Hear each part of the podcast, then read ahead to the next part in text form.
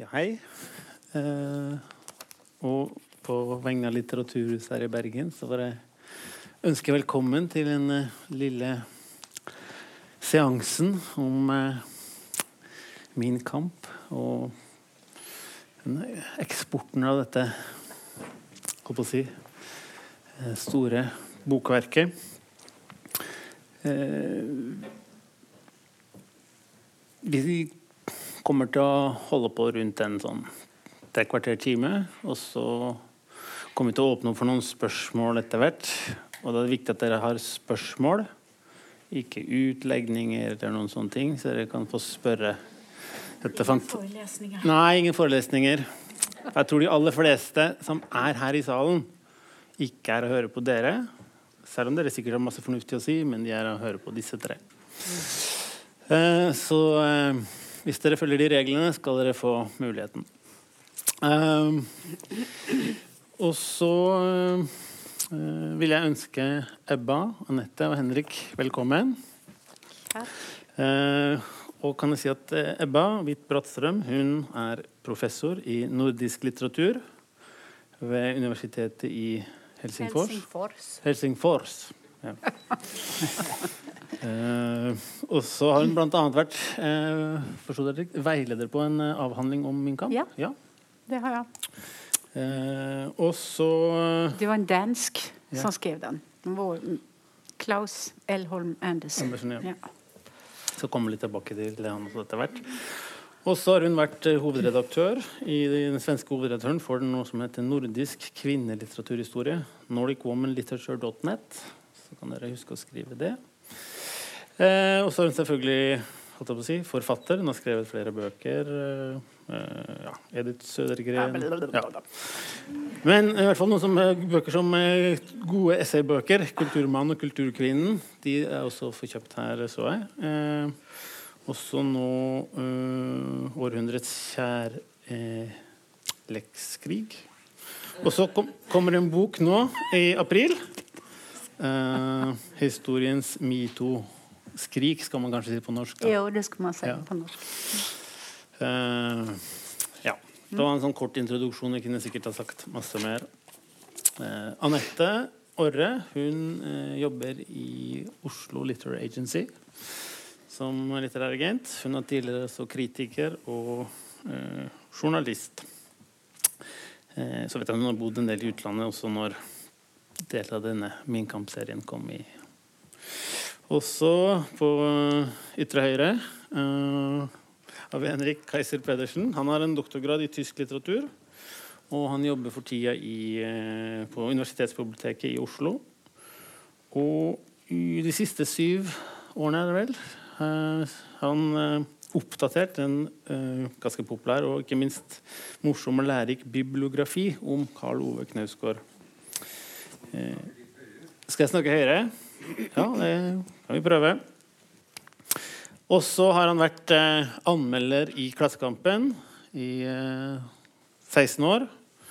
Og blant annet så skrev han en eh, ja, litt morsom og annerledes sak om eh, Karl Ove Knausgård sine aller første litterære tekster, eller ja, skriverier, i siste nummer av Vagant.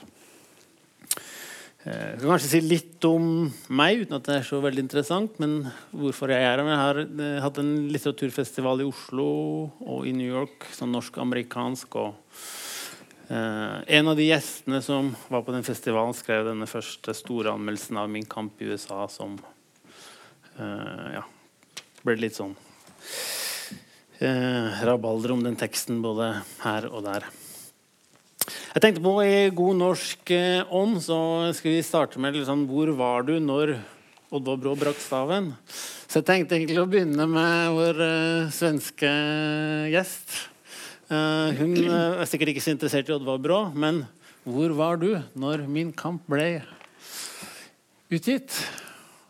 Jo,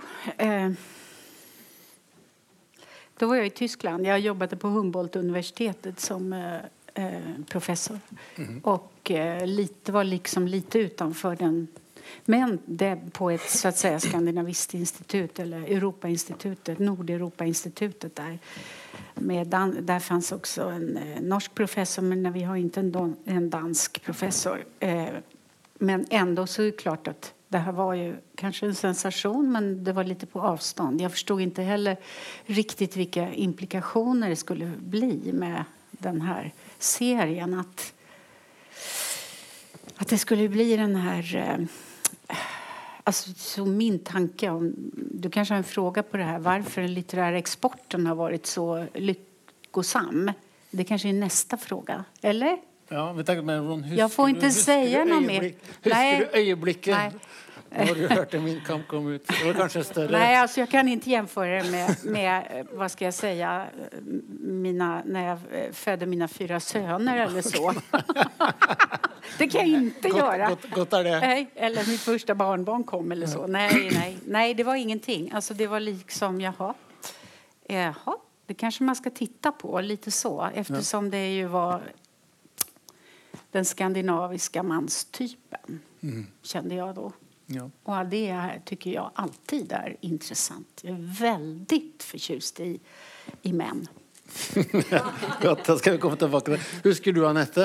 Jeg, altså, jeg forbinder faktisk Karl Ove Knausgård med min første sønn, men det er ikke sånn det høres ut. Altså, det, det er veldig fint, altså, det, det er litt komplisert å amme en baby og lese Min Kamp-bøkene, det- men det har jeg altså gjort. Men jeg tenkte jeg skulle svare på eh, hvor jeg var når eh, Karl Ove Knausgård begynte å bli omtalt i USA. Ja. Eh, for da var jeg på Penn-festivalen i New York. Det var et par måneder før Min Kamp 1 kom ut, eh, og han var invitert. Jeg tror det var tolv mennesker som hadde møtt opp for å høre på ham. Eh, moderatoren var veldig engasjert og prøvde liksom å formidle dette store norske fenomenet til publikum. Og så var det en sånn godt voksen eh, kvinne som sa We have autobiography in the US as well.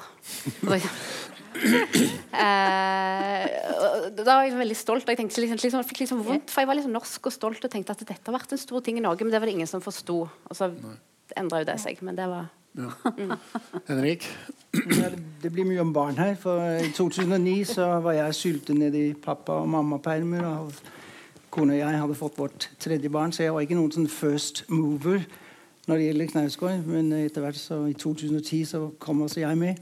Men det er et sånt eh, avgjørende øyeblikk som, eh, som jeg husker veldig godt fra den tiden. Og det var egentlig i 2011, hvor jeg på, var på et uh, julebord med de jeg spiller fotball sammen med. Og plutselig under dette julebordet, der hadde bind 6 akkurat kommet, så handlet all samtalen om min kamp. Og jeg er 52 år, jeg har spilt fotball i all den tid jeg har kunnet spille fotball. Gjør det stadig vekk. Og jeg har aldri snakket med andre menn, verken før eller siden, i hvert fall spillende menn, fotballmenn, om uh, litteratur.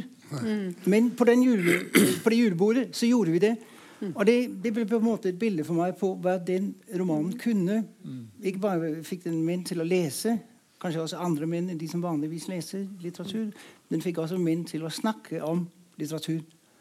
Og det er sånn minne som, som jeg har veldig sterk erindring. Fordi det er kanskje også noe av det beste fra den tiden hvor min kamp var aller varmest. At det var et felles samtaleobjekt i rommet. Ja. Ja, nei, husker jeg satt på hovedbiblioteket Nasjonalbiblioteket i Singapore. Jeg sitter og leste Ulysses for tredje gang jeg, når det begynte å liksom eh, brenne her hjemme. Men jeg husker også at, at det var jo masse forventninger når, når boka skulle komme. Han hadde jo eh, hatt eh, ja, ganske skal vi si da, stor suksess med de to første bøkene sine. og... Eh, og Ut av verden kom på slutten av 90-tallet, og En tid for alt kom på 2004. Og så kom jo da Min kamp 1, 2 og 3 dundrende inn da høsten eh, 2009. Og eh, det var jo masse til og med sånn oppspill. Nå kommer dette store verket. Det skulle være 2500 sider, og det var en enorm sånn forhåndshype og forventninger. Og så kommer liksom denne boka og endelig i butikken. og jeg husker liksom De første anmeldelsene var jo også sånn veldig, veldig positive. Men så er det da at dette som skjer, og det var jo faktisk en journalist her i Bergens Tidende som er den første da, som bringer opp dette problematiske som etter hvert skulle liksom dominere norsk media i månedsvis. Det var jo da med disse ja, familien, folka i boka og eh, klart at Det ble jo underbygd da, med at det var mye forkant og snakk. I, til og med at man gikk ut og fortalte at ja, men vi har snakka med familien og, og sånne ting. Uh, så tror dere da liksom at disse bøkene hadde blitt like populære hvis det ikke også var en, litt av den derre mediehypen rundt? da?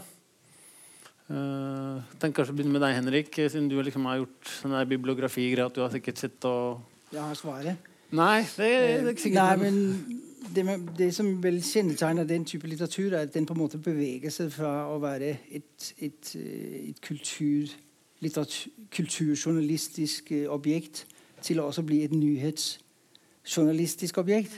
Og det liksom en, Når det skjer, så er det plutselig noen andre typer journalister som skriver om det også. Mm. Så er det ikke innenfor den litterære journalistikkens uh, på, den, på, dens betingelser. Så, så, eksploderer ting. Og det er kanskje også det som skiller Norge vil jeg si, fra de andre landene. Det er, det er kanskje bare i Norge at det har vært, litt et, det har vært andre typer journalister som har tatt for seg av av dette, Hvis man ser på, på, Tyskland eller Danmark, så er det ikke sånn at nyhetsjournalister har kastet seg over min kamp. Nei, jeg fulgte, jo, jeg fulgte, jo, ganske tett på, på, den amerikanske lanseringen. og der, I de første sakene som ble skrevet, presentasjonene, så var det en sånn påstand som gikk igjen veldig mye, som var at eh, mange norske bedrifter har innført en knausgårdfri dag fordi det snakkes så mye om at det, liksom, det må være forbudt. Jeg vet ikke om det var helt sant, men, men de, de liksom lyktes i å plante den ganske godt. Men det, det forsvant helt. Og, og den der sensasjons... Eh, altså mest sånn kjendisjournalistikkbiten eh, det var egentlig borte fra altså dekningen lenge før det ble stort. Mm. Uh, og så har man jo diskutert etiske ting senere, men det har på en måte kommet mer i kjølvannet eller altså etter suksessen. Det var jo sånn I norske aviser så var det liksom familien, og det var onkler, og det var fettere og kusiner, og det var lærere. Og Så det var omtrent en ny karakter, en ny person, nesten daglig eller ukentlig på forsiden av avisene som hadde da en eller annen tanke om at de var nå da i denne eh, romanen. og um, og da lurer jeg liksom på sånn en ting jeg tenker på at eh, Forlaget og Knausgård forsvarte seg jo bak at det var en roman, og det har liksom vært veldig viktig for han. Men det var den eminente professoren her i Bergen, Per Buvik, som eh, vel også var læreren til Knausgård når han studerte her, som eh, gikk ut liksom ganske tidlig og sa at men eh, liksom stilte liksom spørsmålet men hvis det er en roman, hvorfor skal man da gå til disse karakterene og, og på en måte spørre om tillatelse? Er man ikke da også med å legge opp til at det skal bli en diskusjon om er dette fakta eller er det fiksjon? Så jeg syns det var liksom en sånn merkelig ting eh, å gjøre fra forlagets side. Eh, Får jeg bare ja, bryte inn ja. der? For at det er litt, det er litt, det er litt konstig, eller litt rolig. Um, uh, Arne Melberg, som jo ja. uh, var professor i Oslo, litteratur, allmenn litteraturvitenskap, Eh, han hevdet jo at det der at det stod roman på eh, eh, eller At det var en roman, det handlade om at annars skulle den ikke kunnet få statlig støtte. ja, det er jo norske forfattere som har måttet uh, tilbakebetale altså, Han er veldig fortjust i, i prosjektet, men han liksom påpeker at det fins den der ja. Mm.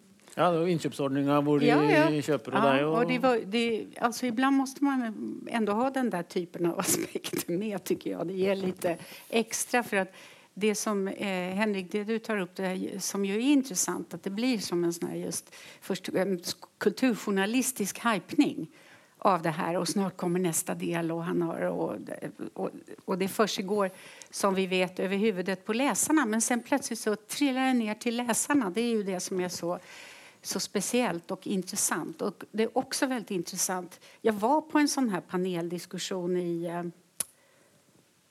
Uh, I Oslo? Oslo, ja. 2012. Kritikerlaget. ja, takk tack. Jeg inviterte deg, så derfor så husker jeg det. Jo, ja, takk, takk.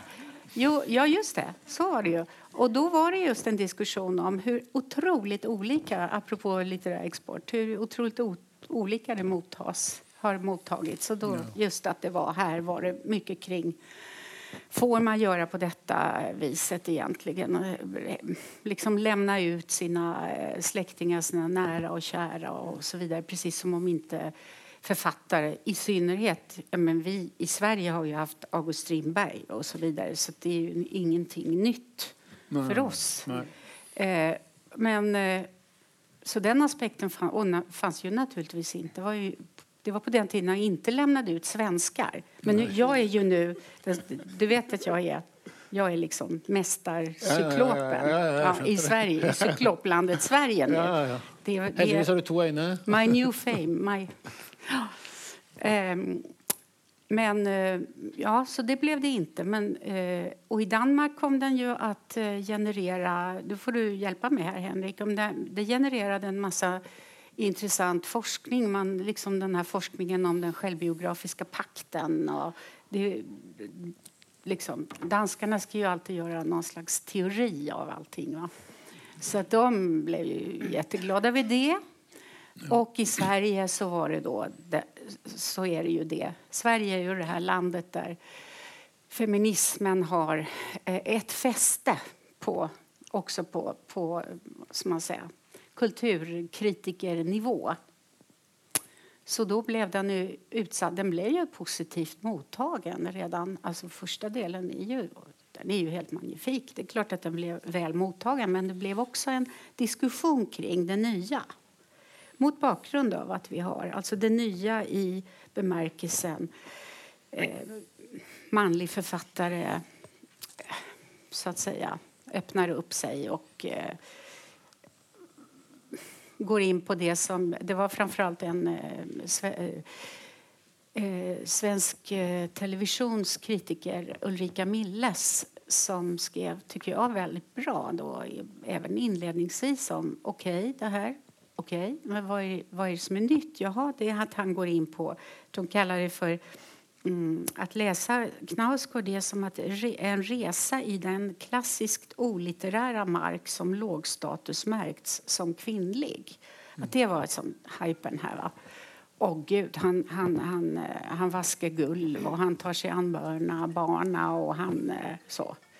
Men egentligen, vad är det här? Är det ett parasiterande? Alltså det var det fanns en, en, en kritisk blick på projektet mm. som jag inte tror fanns här på samma sätt eh, och inte i Danmark.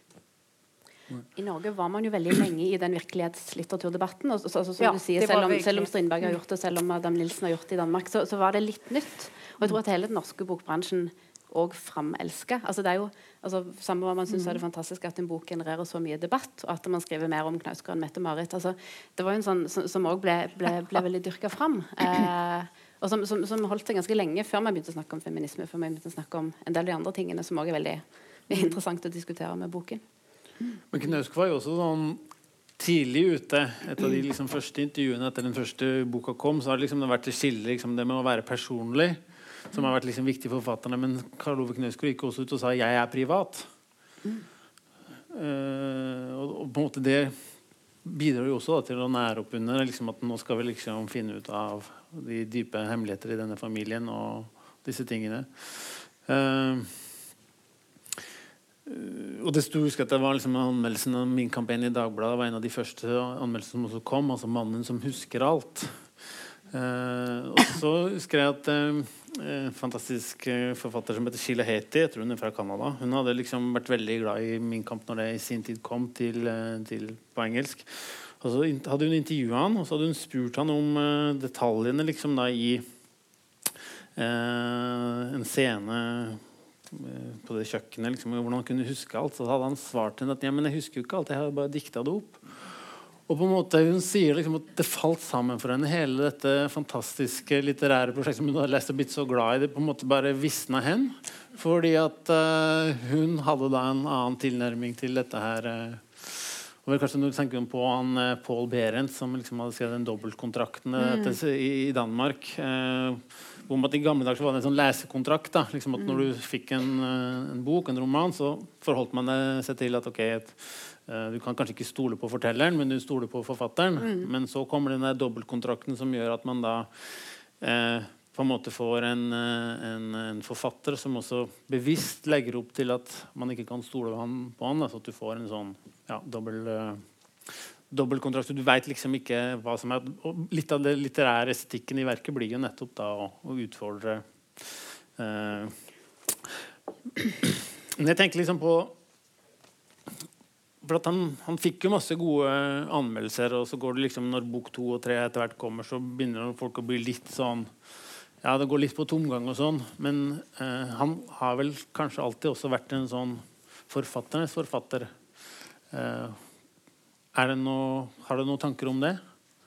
Mm, jeg, noen ganger når jeg har prøvd å forklare hvorfor det har blitt en sånn stor suksess, så pleier jeg å referere til at, at dette er et radikalt eh, romaneksperiment med store etiske og estetiske utfordringer bakt inn i seg.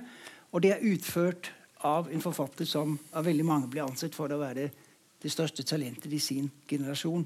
Og det er kanskje noen av de ja, mange mulige kvalitetene der, som gjør også at dette er et veldig komplekst verk. Og, og til det som eh, Ebba nevnte før altså, At de kunne lages et arrangement den gangen som het 'Dansken, svensken og nordmannen leser Min kamp'. Og en Bellman. Og så, og det var i 2012, og det var det jo litt konklusjonen at den etiske debatt har vært eh, dominerende i Norge. I Sverige har kjønn og feminisme vært dominerende. I Danmark er det romanteori ja. og litteraturteori som har vært uh, dominerende. Og Det var i 2012. og det, det, morsomme er egentlig at den tendensen har fortsatt. Altså, det er ikke lenge siden det kom uh, en, en, avhandling her i, i, i, Bergen hvor nettopp også det, det etiske, en kritisk etisk uh, vurdering av Knausgård er, er sentralt. ikke sant? Og jeg vet at om et par måneder så kommer Paul Behrendt med en oppfølger til dobbeltkontrakten, ja, okay. som, hvor også Knausgård spiller en viktig rolle.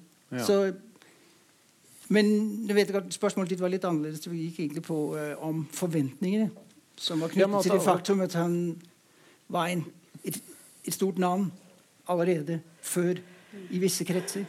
Ja, for som forfatter blant andre forfattere. Han har ja. fått kritikerpriser. Det, det, det, mener jeg man kunne se, fordi det er veldig mange av de som anmeldte Min kamp, de hadde allerede anmeldt Ut av verden og En tid for alt. Så det er også sånn kontinuitet i de som anmelder. Og da er det en ting man kan uh, se også, som er at ofte så er det sånn at de som har vært negative eller mer lunkne, de faller fra. Og så eh, Anmeldere som er positive, de fortsetter med å anmelde. Det er egentlig et fenomen man også kan se i andre land. Og Det gir også en litt sånn selvforsterkende positiv effekt på anmeldelsen av disse seks bind, som det, det, jo var. Så Det er også en morsom uh, ja. følge av det at han var et, hot navn blant kjennere. Ja. Altså, uh, Oslo Richard Agency der jeg jobber nå, som den gang het Aschehoug Agency, var jo de som da begynte å distribuere og selge Karl Ove Knausgård ut i verden.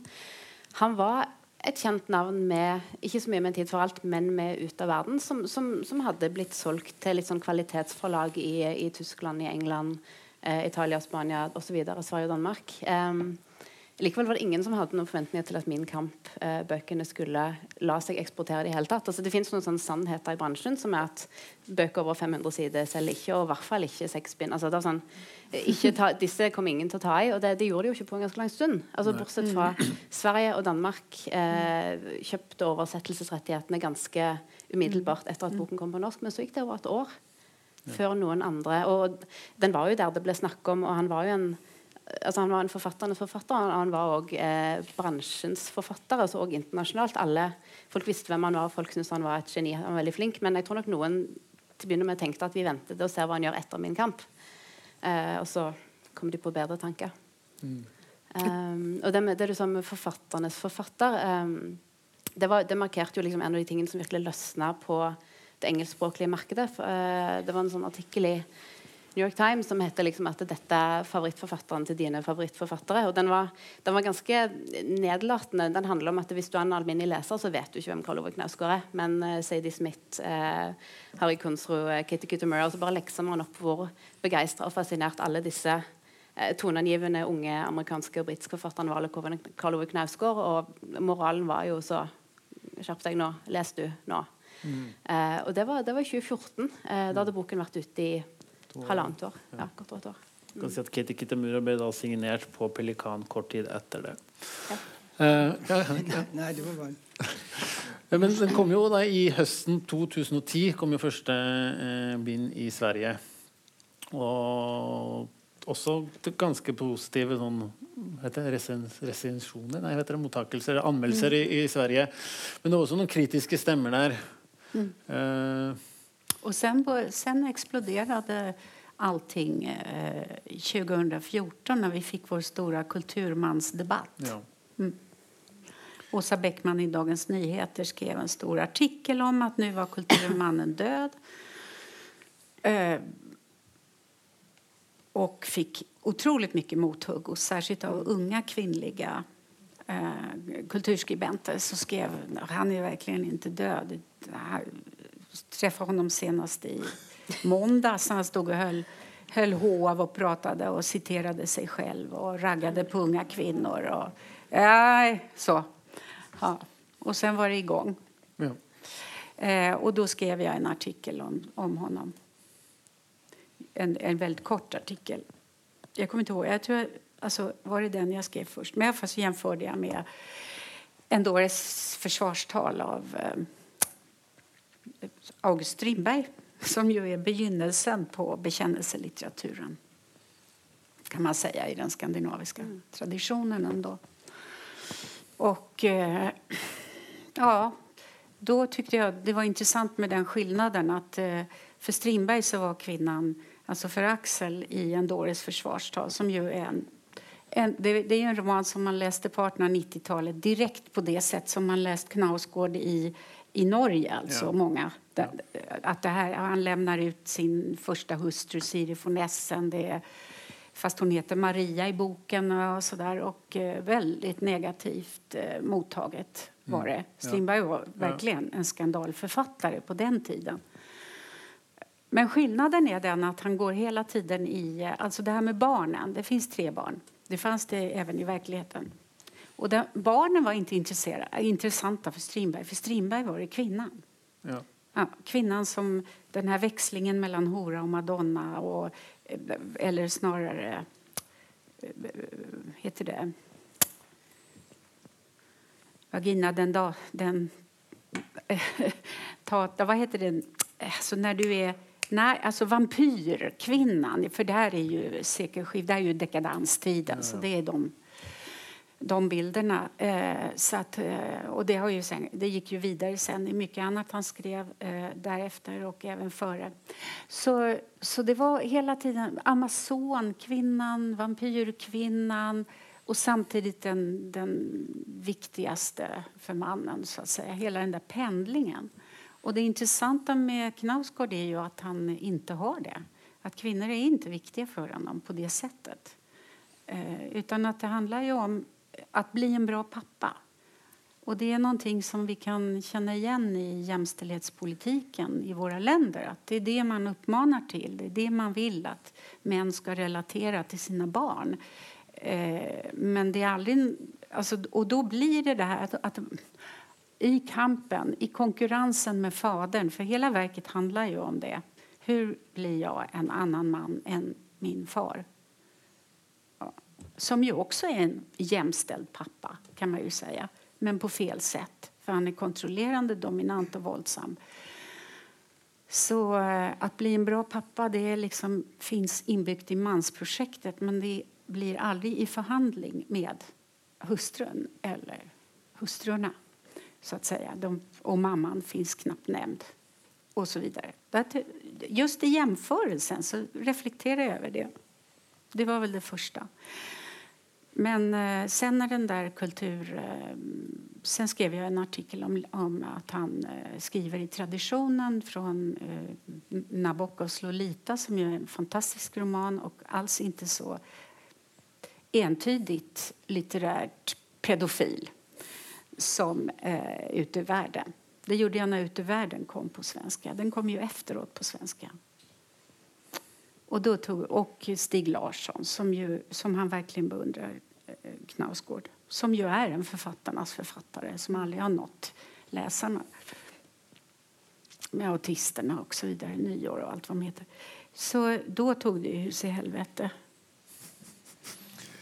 Alltså då blev, då blev han riktigt, då blev han ju riktigt sårad. Det var inte alls min mening. Alltså en författare måste just, jag menar, titta på mig, ni anar inte hur mycket de har hoppat på mig. Det måste man ju ta, annars kan man ju inte ge ut. Annars kan man sitta hemma och skriva för byrålådan. Så det blev ett riktigt... Eh, ja. Men det var jo også det Knausgård kritiserer, den der svenske korrektheten. med også, Ja, så kom det her med cykloplandet, fittlandet Sverige og sådär. Mm. Det blir også et angrep, det blir lest som, som at det han kritiserer som den korrektheten man finner i Sverige, blir også sett på som at det egentlig var en sånn underliggende kritikk av feminismen. da. Ja, ja. Feminismen är på politiskt korrekt. Sverige är ett politiskt korrekt land. Eh, ja, vi är fantasilösa och eh, vi, vi, vi är rädda också för att inte göra rätt. Det är fyllt av hat och rädsla, vårt land. Det er skitläskigt i Sverige. Men, men tenk, sånn, når, når, når, disse bøkene kommer i forkant av, lanseringa, hvor, hvor kjent var Knausgård da som forfatter? Liksom utover kanskje Da var han kjent. For det ja, han ja, ja, men, men, men før Min kamp kom? Liksom, før, nei, ikke alls. Ikke blant måte litterære miljøer? Eller, nei. Ikke alls. Nei. Ingenting. Verkligen inte. Jeg lurer på om Det er litt annerledes i Danmark. Danmark er faktisk, eh, I tillegg til engelsk så er dansk det eneste språket hvor begge romanene hadde kommet ut før Ja. eh, Min kamp. Så jeg, jeg mener at det var en, en sånn Også der, akkurat som i anmelderkorpset her, en sånn utrolig forventning til hva det skulle komme nå fra denne, for dette Ja. navnet. Ja. Og det er også en veldig viktig forklaring i hvorfor dette ble så stort. tenker jeg. Og, og, og I Danmark så har vi i hvert fall en del fremdeles nordister og litteraturvitere som er opptatt av hva som skjer i Norge. Altså, og En av dem som har vært viktig, er jo Hans Hauge, som også har skrevet mye om Hanne Ørstavik. Og har ganske god peiling på norsk litteratur, samtidslitteratur. Og det er ikke noen selvfølge. Og han har jo skrevet en hel bok som heter 'Fiksjonsfri eh, fiksjon'. Hvor, eh, som handler ikke bare om Knausgård, men ganske mye om ham. Og det, han er en av mange akademikere som har kastet seg over Knausgård i Danmark. Og det er ikke en sånn, de blir ofte framstilt som sånn, ja, de danske litteraturvitene, men de er jo ikke en sånn masse som mener det samme alle sammen. Det er faktisk det er flere bøker som ligger bak dette, og ulike analyser. Det kom en hel bok som heter 'Knausgård i syv sinn', også, altså med syv ulike eh, antologibidrag allerede i 2015. Så si den, den akademiske behandlingen av Knausgård har vært ganske unik i Danmark. Ja. Får jeg bare spørre, hva, fråga, sier Hage där om, den här, om, om Knausgård da? Altså, for, jeg pleier å sammenligne eh, Hauge litt med Kjønnelands eh, Knausgård-koden. Altså, det er en, en utrolig sprek intellektuell som har kastet seg over et fenomen og kommer med masse uh, interessante tanker. Knausgård-koden var mer sånn fra et negativt perspektiv, men også veldig mange interessante ting vil jeg si, i Eivind Kjønnelands bok. Og Det samme er det med Hauge, men han er mer positiv og har også masse spreke tanker om det. Og mener også det er noe nytt. Um, men så er det spørsmål hvilke ord er det man skal bruke for det. Noen vil si fiksjonsfri fiksjon. Og det mener jeg også er en god forklaring på.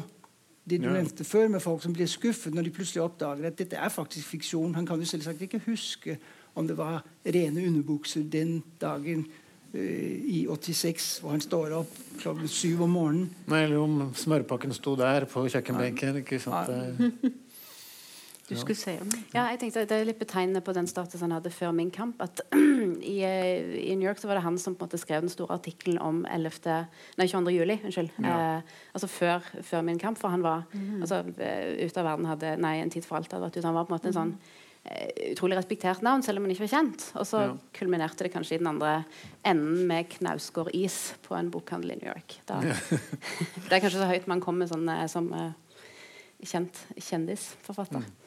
Men jeg nevnte at du hadde hatt en, eh, en ph.d. eller en doktorand. eh, Klaus eh, Andersen. Eh, og så hadde du hatt et sånt symposium. Eh, Kan du fortelle litt om bakgrunnen for det? Og, Henrik var med. ja. Som journalist. Han Men hva var bakgrunnen for at dere ønsket å ha et symposium? Var det på bakgrunn av denne doktoravhandlingen? Eller Ja, var ja. det Det var det Ja. Og det handlet jo om at min, det var min, min doktorand som var jo også dansk lektor hos oss.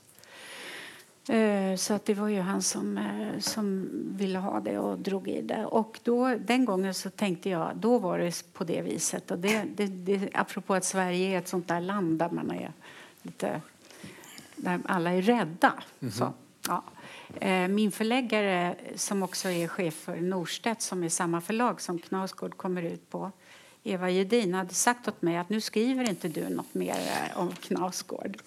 Så jag gjorde inte det. Jag höll, ingen, jag höll liksom inget... Eh, alltså det, det var, och Klaus eh, Elholm Andersen, när han skulle göra den, ah, det blev en antologi Ja, ja. som jag tycker blev eh, riktigt fin. Han sa men det fattas ju det du ska säga. Och jag sa ja, men jag... Eh, för jag var trött på det också. Så jag känner att man kan, ibland kan man inte driva det för, eh, för långt.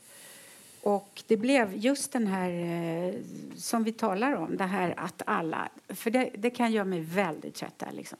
oh, han är den stora talangen i sin generation. Han är ett geni. Han är det här som kommer före den här liksom, röda mattan som rullas fram före vissa typer av författare. Nästan alltid män. Och så är det liksom dukat. Du vet. Eh, jag kan bli så trött på det när man har levt så här länge och varit, skrivit om det. Jag, menar, jag har publicerat mig sedan 1974. Är det någon som var född då? Jo, några. Alltså jag tänker så här, nej, alltså ibland måste man så. Så det blev, så det fattas lite. Vill du fråga någonting annat förstås? Men jag, vad vill du fråga? Nej, det spelar ingen roll. Okay, jeg kan kommentere litt der, fordi den, Jeg så at den boken den heter 'Så tett på livet som mulig'. Den ligger også til salg her nede. Det er på en måte konferansebidragene fra konferansen i Helsinki i 2015 pluss et par til. Og en, fordi Nå nevnte du at den ene doktorgraden, men det har jo faktisk kommet fem. Fem, ja. eh, andre doktoravhandlinger som har Knausgård eh, i sentrum. Noen hvor, han også, hvor det også skrives. Og alle de fem er skrevet av kvinner. Så det er også Ja, en, men, eh, ja, ja. en liten Ja, ja. viktig eh, bidrag. Der kommer det inn i Tyskland, inn i Nederland og inn i Finland, og to her i Norge. Eh, Jeg håper jeg fikk nevnt Kjersti Årstein eh, i forrige og. runde. Og en som heter Lyngstad. Mener du? Hva, hva, mener du med det? Nei, jeg, jeg, jeg, nevnte uh, en, en doktor Det var bare fordi Ja. jeg vil ikke være en sånn uh, kulturmann som ikke Nei. behørig krediterer kvinner. Nei. Um, og, og det jeg nevnte at det var en, en uh, doktoravhandling med et etisk perspektiv som kom ut her i, i Bergen i høst, som det var diskusjon om også, så ville jeg bare forsikre meg om at jeg fikk nevnt at det var Kjersti Årstein som var forfatteren bak. Um, nei, det var ikke noen sånn nei, nei jeg bare tenkte uh -huh. Jeg tenker Det har jo skjedd veldig mye i den- litterære offentligheten også, siden disse bøkene kom ut, både her og ute. Altså, Kulturmannen spredde seg jo, eh, og kanskje heldigvis for Knausgård så kom eh, bind tre før metoo. Ja. Um, men, men eh, altså, det var interessant å se mottagelsen. Altså, I USA det begynte med den, unge, den norske prost, eh, og den høye, veldig kjekke nordmannen. Altså, det, var, det var liksom de tre tingene som, eller de tingene man alltid trakk fram. Vikingen. eh, og The Bad Boy of European Literature. Altså, det var veldig sånn konsensus. Og så, og, så, og så vokste det og vokste det, vokste det, vokste det til man på en måte kom, var så stor og populær at man begynte å plukke ned igjen. Eh, og noen av de morsomste, et av de morsomste tingene jeg var på New York, det var et sånn panel med Knausgård versus Ferrante. Og da, da var det tydelig at den der eh, white American eller white uh, male author som skriver tjukke bøker, kanskje var litt sånn på hell. Og det synes jeg man så i den siste, mm, siste anmeldelsen av Min kamp 6. Der man liksom skrev om Nå er vi ikke litt ferdige nå med liksom, å Samuel og skrev om Jonathan Franzen og skrev om altså, disse forfatterne at det nå holder det kanskje. Ja. Det var jo en ganske Jeg tror kritikeren skrev at det føltes som å ha blitt sånn blodsugd, og at eh, bøkene Det føltes som om både lyset og tiden forsvant Ja. med denne boken. Og det var, han skulle sørge for det. Det, det var den boken han tenkte hvis det var en bok han aldri skulle lese igjen. Og, og det handler jo det, det handler jo ikke bare om bøken, det handler jo også om offentligheten rundt. Og liksom ja, at Ja. vi har å bevege oss, tenker jeg da. Ja. Samtidig tenker jeg at, at alle kunstnere drømmer jo om å slå gjennom i USA på et vis. Eh, tror jeg.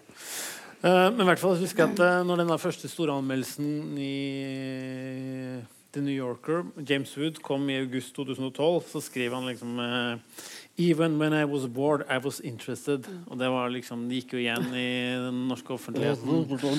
Ikke sant? Og så går det ikke lenge før så kommer Sadie Smith og hun skriver It's unbelievable. I just read 200 pages of it, and I need the next volume like crack. Men sant, sant? man kunne ikke sagt det i dag uten at det hadde vært litt komisk. Nei, nei, nei. For eh, altså, Katie Kitty Møre, som du leste, hun skrev også at liksom, ah, jeg sier til mannen min hvis vi har krangla, så sier jeg oh, Carlo Knausgård, he could write 200 pages about this. Ja, ja. Som var veldig, en veldig kul ting å si da. Men, men hvis du hadde sagt det nå, så hadde det på en måte vært litt passé. Hadde du ikke det? Ja, ja. Og samme som uh, hovedanmelderen i The New York Times, Dwight Garner, han skrev ikke noen ting før i 2014. Men når han da først begynte å lese bind 1, så sa han han klarte ikke å gjøre noen ting, for han hadde lest bind 2, og da hadde bind 3 akkurat kommet ut. Så han skrev også rimelig anmeldelse at det så helt jævlig ut hjemme.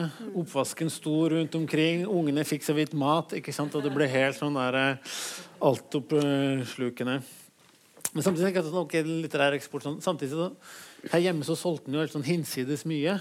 Altså, jeg husker liksom at ja, han hadde solgt 10 000, og 15 000, og 20 000, og 30 000.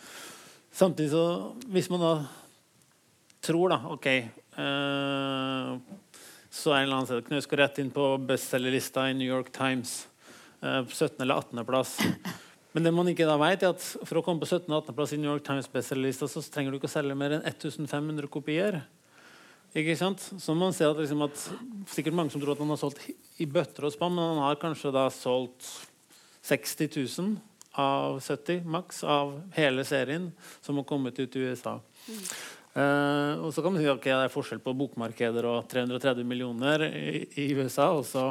Men igjen, all den der hypen Men det er jo enormt. ikke sant, at det blir liksom til og med altså, knausgarding. det blir liksom Alle disse uttrykkene har man kommet og New York Times har ennå ikke laga en knauskort for dummies, men de kan kanskje få Dagbladet sin. Uh, men jeg tenker også litt sånn på uh,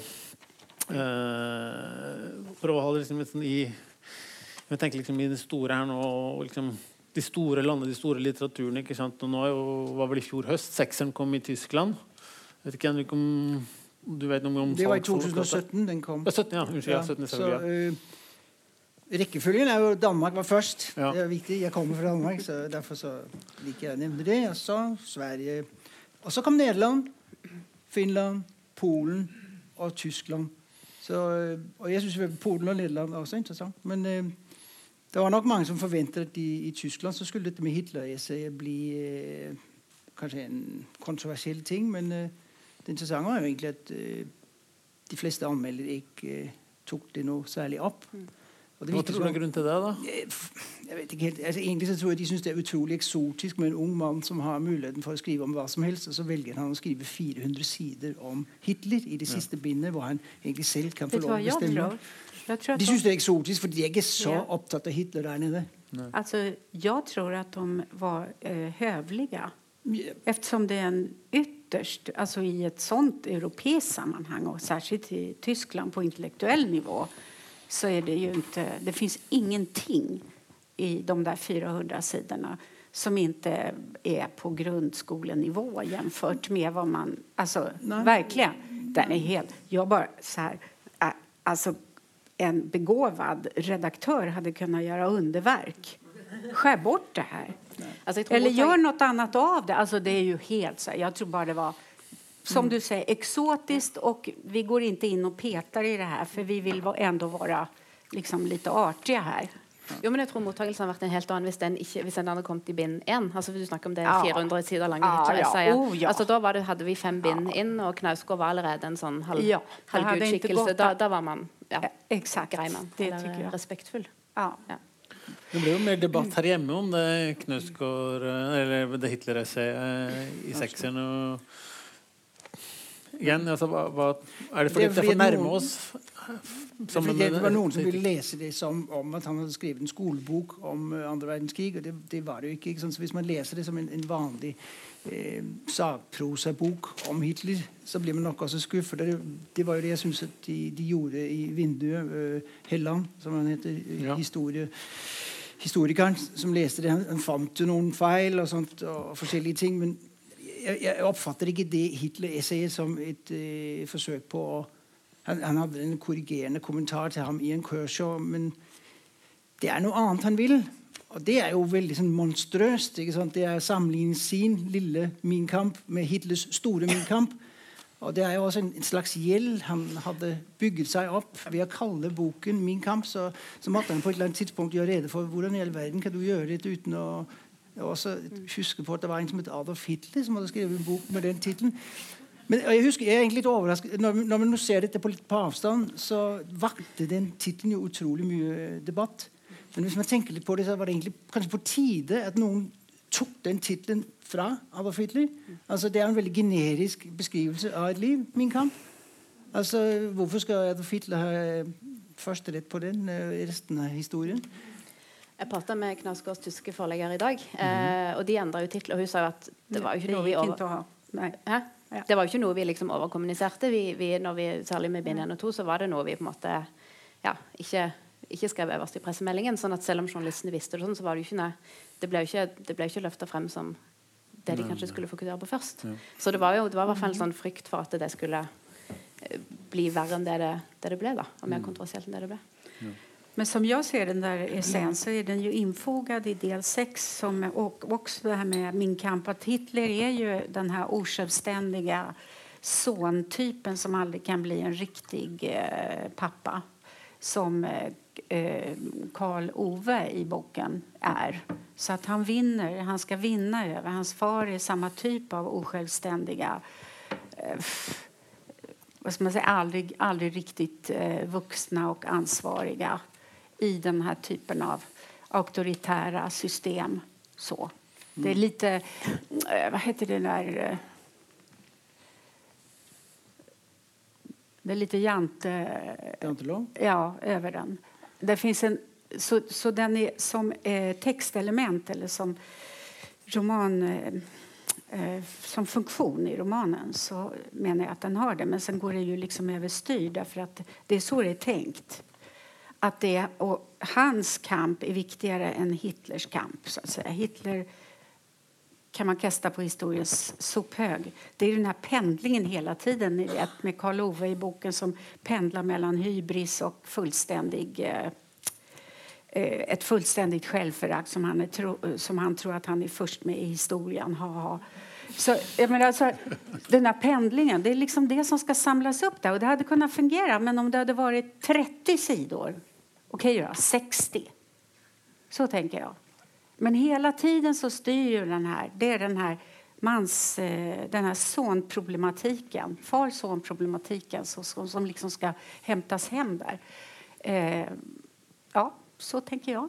Och så tänker jag också det här med litterär export. Hade du en slutfråga på det? Varför?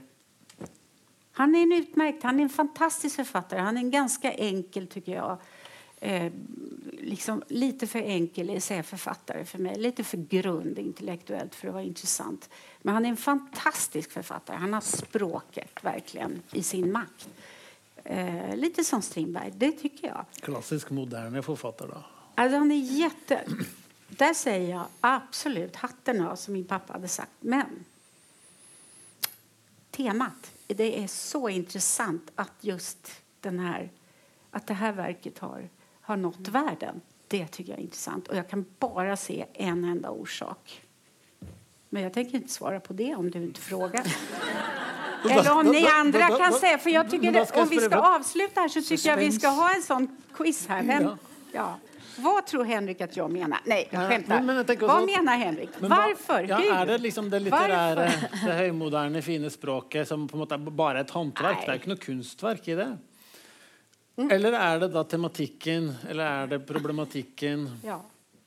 Hva, hva jeg syns det er veldig komplekst verk. Det, hvis, du, hvis, du, snakker med folk som har lest den, så vil de ofte si jeg syns det var godt. Andre vil si jeg syns det var dårlig. Altså, folk har egentlig ofte lest sin Min kamp. Det er ikke den samme Min kamp vi har lest. Noen liker best bind fire, noen liker best bind seks. De er veldig få da. Men alle litteraturviterne liker best bind seks. Mens det er veldig mange vanlige folk som ikke kom så langt fordi de egentlig mm. syns at det hørtes ikke så spennende ut. Mm. Så det er egentlig altså I lesegruppen så er det veldig mange Min kamp. for å si det på den måten. Og så synes jeg Når du ser den variasjon av tolkninger som finnes altså Det er jo en av de mm. ting som den over 50 sider lange bibliografien min viser. Mm. Det er så mange perspektiv på dette verket. Hvis du sammenligner med andre typer store, kontroversielle skandaleromaner, sånn som Brett Easton Ellis' 'American Psycho' eller noen av romanene til O.L. Beck på 2000-tallet, så synes jeg man vil se at de debattene som var rundt dem, de handler ofte om sånn én eller to problemstillinger. Det er helt umulig liksom, å lokalisere hva er egentlig den sentrale Du kan det, men jeg, jeg mener det er vanskelig å lokalisere den sentrale problemstillingen i min kamp. Er det dette med faren? Er det 40-årskrisen? Er det dette med hva en roman egentlig kan. Hva kan man gjøre med en roman? Altså, det er mange interessante problemstillinger i den. Men Syns du det er så masse skandalepreg i Min kamp og mottakelsen av den utover det Norge? Du, det du nevnte i første omgang, det er jo hele dette når familien rykker inn et lesebrev og sier dette er Judas litteratur. Ja, men Det er fordi at det er veldig norsk, og det er så tett på oss i Norge. Ja, men den, den, debatten har de også fått med seg utlandet, selv om de ikke kjenner mm familien Knausgård på Sørlandet, så har de fått med seg dette selvsagt. Eh, jo, men som det, det, har vært gjort før i Norge, dette her òg. Altså, han Ørstavik og Nicolai Frobenius altså mange som har liksom vært og skrevet tett på i Danmark, som du også nevnte, ikke sant, med Madame Nilsen, var det vel? Ja. Mm. Ikke sant, sånn at, altså, det er ikke noe sånn Oi, dette har vi aldri sett og hørt. Men Nei, det gjør jo forskjell at det er veldig mange som leser det. fordi Hvis du, du gjør dette som en liten avantgarde-forfatter, og så er det en liten krets uh, i en i storbyen som har lest det, så er det ikke det samme som hvis de plutselig selger altså Ifølge tallene i utlandet så er det en tiende, hver tiende nordmann har lest Min kamp. Så får denne utleveringen av personer noen helt andre konsekvenser. Jo, men Er det da, da det kontroversielle, eller er det da vakre setninger som selger dette her i utlandet? Det burde du svare på. Ja. Som selger i utlandet. Jeg, jeg, tenker ikke at det er kontroversen. Altså jeg, eh, mange jeg har pratet med, sier det motsatte av det den forfatteren du siterte. Vi, vi, begynner å lese om Karl Ove Knausgård, men, men, snart leser vi om oss sjøl. Altså det har kanskje vært den som har truffet veldig bredt. Ja. Fra den allmenne leser til, til eh, forlagsfolk og journalister. Uh, og så har det noe altså, Selvfølgelig er det veldig bra. Tidvis, jeg synes mye av, det, mye av teksten er aldeles glitrende. Ikke alt. Eh, men det er det mye som er som ikke blir så stort. Eh, det aller meste blir aldri i nærheten av å få den eh, nedslagsfeltet som, eh, som min kamp fått. Eh, det handler òg om eh, altså Det handler om helt sånne banale ting, som at eh, Knausgård var høy og imponerende å se på. Altså Hvis han hadde vært død og sett ut som verdens kjedeligste mann, så er det ikke sikkert det hadde blitt like eh, stort. Um, og, og, og, så er det noen mekanismer hvis man skal bli, hvis skal bli litt sånn bransjenerdete. Altså, snøballen ruller veldig mye fortere jo større den er. sånn at det som var et hinder, det at det var 3600 sider, eller hvor mye den endte opp som, um, som gjorde at veldig mange venta veldig lenge. Når det da plutselig begynte å liksom bli litt sånn at dette er noe vi kan samles om på samme måten som Ferrante eller eh, Roberto Bolanjo så, så altså, Det er ingenting forlagsverden elsker som sånne lysende stjerne som, som, viser at litteraturen fortsatt liksom kan samle hele verden. Mm. Eller nesten. Mm. Eh, vegetarianerne var kanskje en av de siste eksemplene på det. sånn at eh, Sett fra mitt og vårt ståsted så var dette en ganske sånn lang og seig prosess fram til det plutselig, kanskje i 2014, ble enormt. Ja. Eh, ja, det var et slags svar på ja. Men jeg er, jeg er, veldig spent på hva du skal si. Ja. Nei, men jeg tenker at det er så her, og, eh, og vi skal jo slutte nå, så kan det utvikles så mye, men det er jo det ja, jag sa det väl kanske lite i början också. Eh, jag tänker att det intressanta är att det är...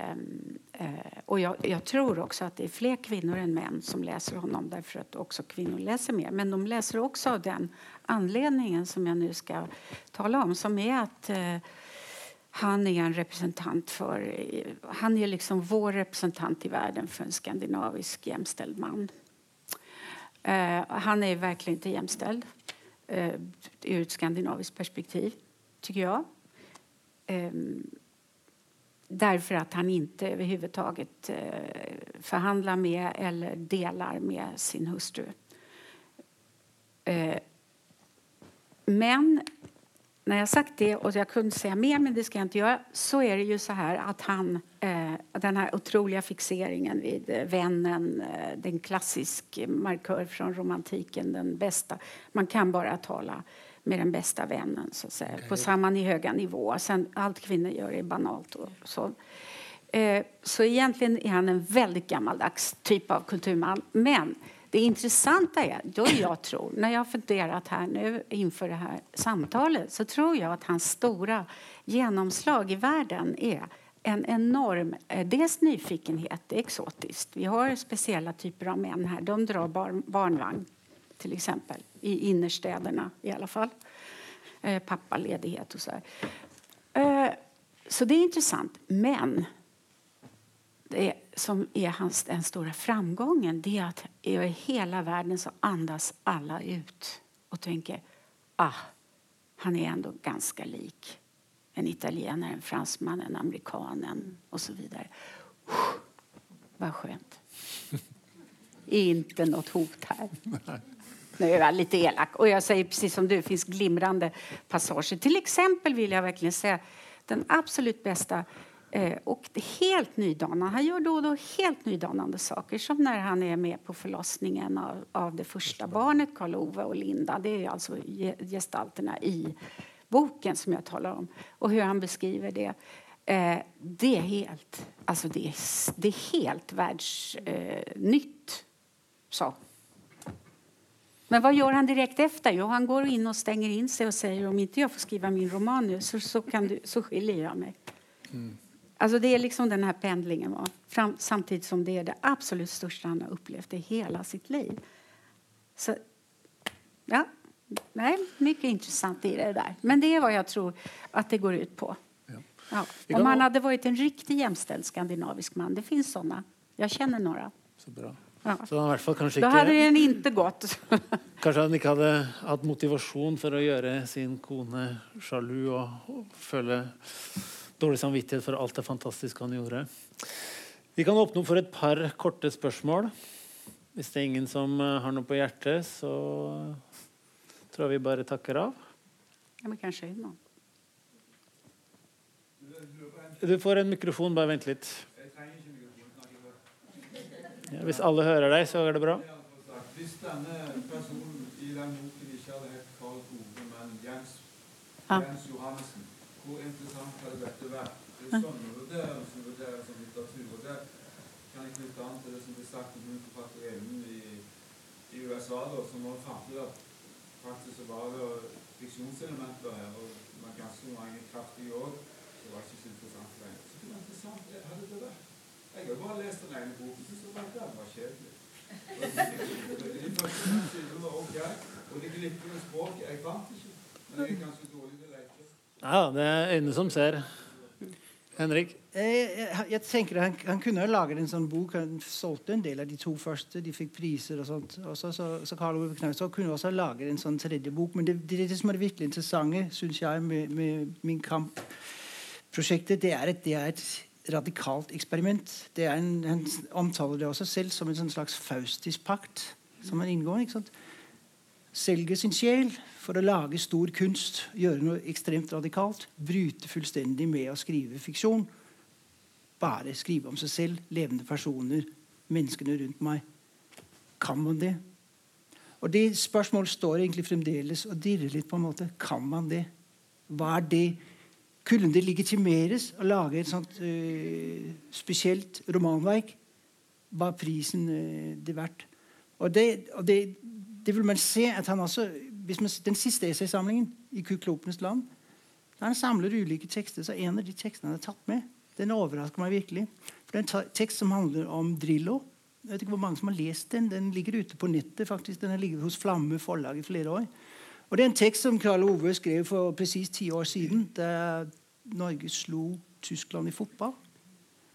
Revolusjonerende kamp, og Norge klarte å vinne 1-0 i Tyskland. Det er det siste store det norske fotballandslaget gjorde. Uh, der skriver Karl Ove en tekst om Drillo. Altså Dette er et halvt år før uh, min kamp skal på banen. Og så sier han at Drillo har gjort en pakt med djevelen. Og det har jeg også lyst til å gjøre.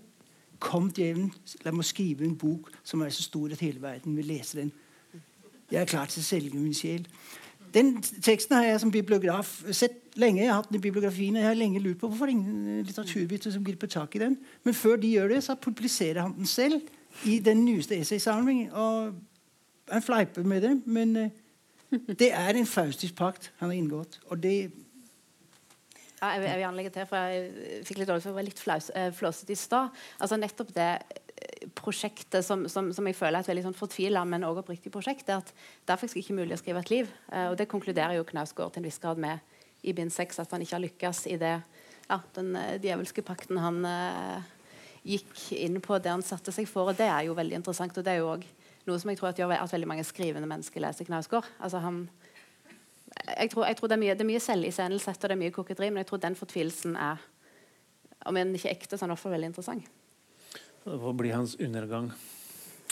Da tror jeg vi takker eh, Ebba og eh, Anette og Henrik. Også som sagt så er det mulighet til å få kjøpt bøker. Og for de av dere som er riktig smarte, så, så går dere ned, for da skal Ebba være på en uh, liten uh, salong klokken åtte. Så jeg anbefaler alle å gå Du skal tale om det store geniet i sin generasjon. Og det er ikke Karl Ove Knausgård. Takk skal du ha.